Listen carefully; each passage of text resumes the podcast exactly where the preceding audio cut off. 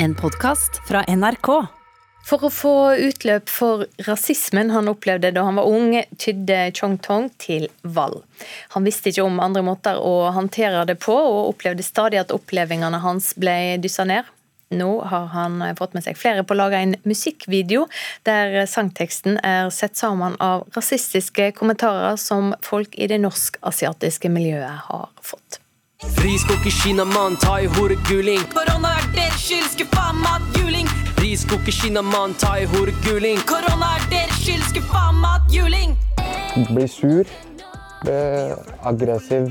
Eh, skikkelig vanskelig å sette korrekte ord uten å banne, holdt jeg på å si. Chung Tong er en av de som har kjent de rasistiske kommentarene på kroppen lenge, og deler erfaringer gjennom sangen 'Adoptert importert'. Du blir ikke norsk bare fordi du er født her. Du blir ikke norsk fordi familien din ble stuck her. Jonas, det passer ikke fargen din. Snakker Han vokste opp i Moss og opplevde i barndommen hets og rasisme pga. de vietnamesiske røttene sine. Kommentarene handla om maten han hadde med seg på skolen, språket hans, utseendet og ordet guling gikk igjen. I mangel på kunnskap om andre måter å håndtere det på, gjorde det at han sloss mye som ungdom. Jeg blei til en sinna ungdom. Altså, som bærte mye på aggresjon og hadde null peiling på hvordan jeg skulle få det ut. I det hele tatt. Det hadde lyst til å komme seg ut i form av vold. For man hadde ikke mennesker som kunne, som kunne introdusere deg til disse nye verktøyene og takle det på. Hvordan skulle jeg si ifra når stemmene imot krangla imot deg hele tida? Nei, nei, nei, nei, det går bra, det fins ikke. Folk tok ikke deg på alvor i det hele tatt. Er det sant at asiater er trangere? Går under livet deres sidelengs? Hvorfor er damene så underdanige? Sangen er produsert av Chi Ton.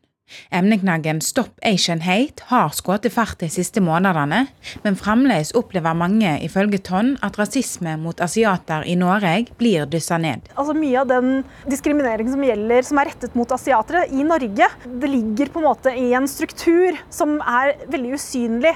Og Det er derfor jeg tror veldig mange ikke opplever det som noe hat eller opplever det som diskriminering. Bare det at jeg konsekvent blir snakket engelsk til, eller at eh, folk gir meg komplimenter for at jeg snakker så godt norsk. Altså Det er på en måte diskriminering og rasisme som er forkledd i noe annet. Det er forkledd i noe positivt. Det er den type rasisme som hverdagsrasisme som jeg på en måte ønsker å vise at det, men dette her er en struktur som eksisterer, som er med på å holde asiatere nede. Som en del av prosjektet arrangerer Ton også i dag en samtale med flere med asiatisk opphav innen kultur. Her skal fokuset være hvordan de har brukt erfaringene sine til å forme uttrykket i kunsten. Jeg ønsker at flere skal snakke om dette her. eh, Og møte unge stemmer med respekt. Og møte unge stemmer med eh, den anerkjennelsen de fortjener. Når unge sier at 'jeg syns ikke det er greit å bli kalt guling', slutt å kalle dem for det. Og for Chung Tong førte all hetsen til at han undertrykte kulturen sin. Jeg sluttet å ta med meg maten som moren min hadde lagd til meg. Vietnamesisk mat på skolen. Unngikk å snakke vietnamesisk. Introduserte ikke folk til kulturen min i det hele tatt. Av frykt for at de kom til å si æsj. Det er veldig, veldig, veldig sårende å gå og skamme seg for hvem du er. Derfor er han glad for å være del av prosjektet til Chi Ton. Det er veldig deilig å, det å få vekk den aggresjonen i brystet. Jeg vil at folk skal ta med seg bevisstheten. Og ikke, ikke definer realiteten til et annet menneske der hvor du ikke har det perspektivet i det hele tatt.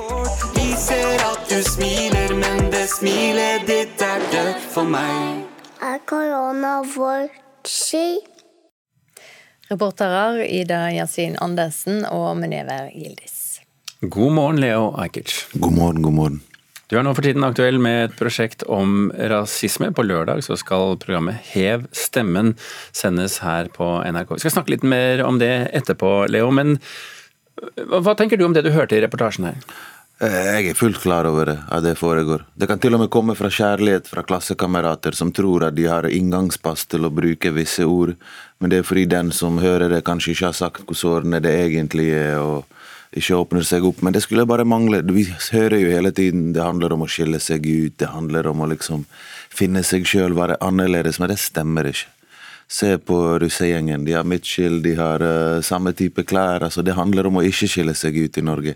Og til og med hvis du ikke ser så annerledes ut. Bare du sier du er fra en annen kultur, så opplever du rasisme. Bare se på samene, f.eks. Det er ikke alltid jo, vi kan trenger, du trenger jo ikke gå lenger Ja. enn ut av dette studio, for du har jo blitt utsatt for rasisme du òg. Ja, ja, altså, men ofte så kan jeg passere òg. Det er jo ikke alltid alle ser at jeg ikke er etnisk norsk.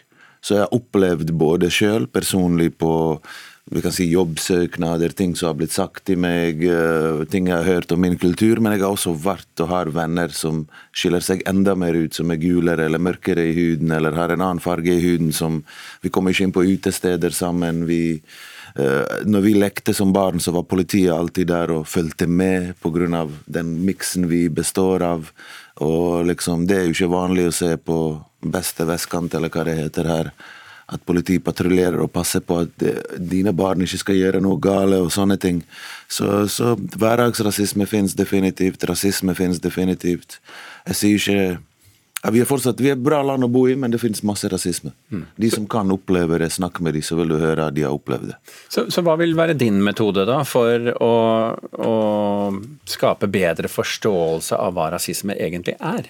En slags eh, metoo-kampanjeholdning. Altså Menn har jo tafset på kvinner i tusenvis av år. Så har vi med sosiale medier, med, med TV, med, med at kvinner hever stemmen sin. Først og fremst de det gjelder, kvinner. For det er de som vet hva mannssjåvinisme, hvordan det føles. Har sagt ifra, så har det blitt ukult. Mange politikere har blitt kansellert.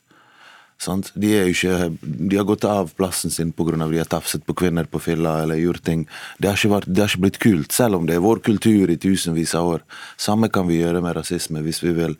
Men alle har jo en dame hjemme, mest sannsynlig, hvis ikke de er homofile, da, og må forholde seg til deg. Men alle har ikke har de en mor. ja, ja, men alle har ikke en innvandrer, og noen begynner allerede å, men du tar så mye plass, og nei, men motsatt rasisme, nei, men når skal dette, fordi at det går utover deres vaner, kanskje.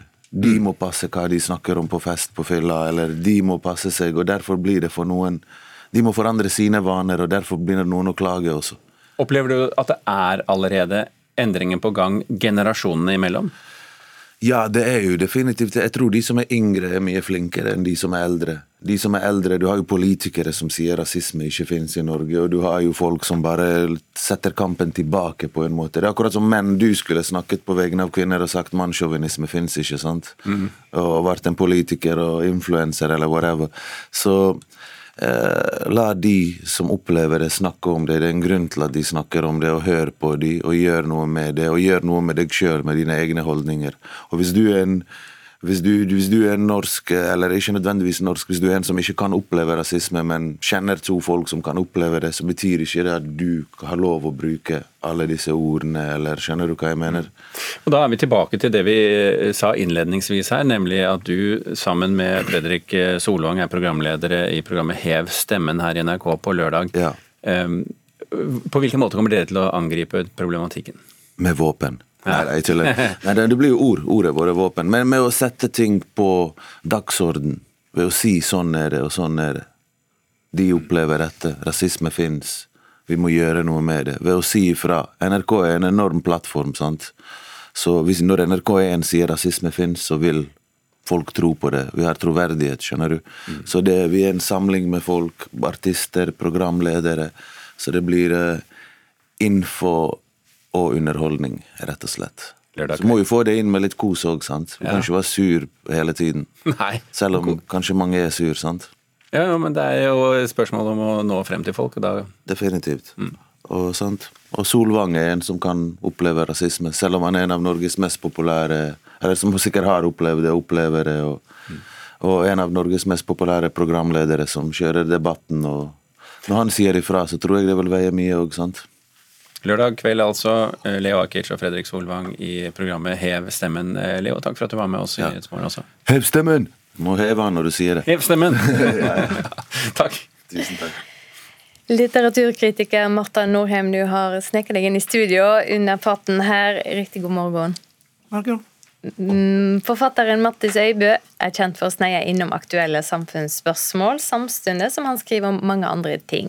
I debutromanen 'Alle ting skinner' var han borti klimakrisa. I 'Karin og Karim' let han Karin oppleve å finne nakenbilder av seg sjøl på nettet. Og nå er han ute med den femte romanen sin, og den heter 'Den siste overlevende er død'. Og her må vi kanskje være nær ei ulykke eller en krig? Ja, eh, vi snakker om andre verdenskrigen. Men eh, typisk nok så handler romanen om mange andre ting enn det. Eh, og jeg kan allerede innledningsvis si at dette er en veldig interessant og rik roman. På, på, et overflatenivå, for å si det sånn, der møter vi fem familier som alle opplever å få livet sitt på en måte perforert av fortida, sånn at det begynner å, å riste i, i grunnvollene. Det kan være krigen, eller det kan være ting ifra det private livet. Eh, F.eks. en familie på fire sitter og mimrer, altså de nå voksne barna mimrer om barndommen sin, og plutselig så hiver far ut et minne som ingen husker. Det viser seg at det er fra en historie fra eks eksen hans eh, og, familien han hadde før. Eh, en familie som særlig frua har et veldig anstrengt forhold til, og så begynner det å, å, å bli vanskelig der. Eh, men det er også historier f.eks. om uh, under krigen, flukt til Sverige. og og uh, livet der dukker opp i nåtida. Det pipler fram både historiske eller både heroiske og historiske uh, kilder, erotiske ting. fra senile mødre, f.eks. Brev som dukker opp, osv. Hvordan tar han føre seg selve krigen? Ja, I tillegg til disse enkeltskjebnene så finnes det et overordnet nivå der han går inn i kjelder og, og, problematiserer hva er det vi ser, hva er det vi ikke ser.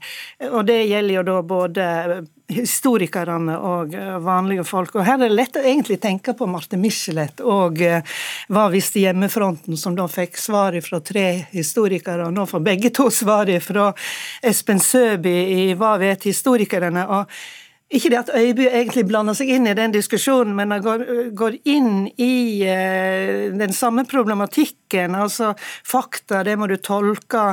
Vi kan lett rote oss bort i iveren etter å få til en god historie osv.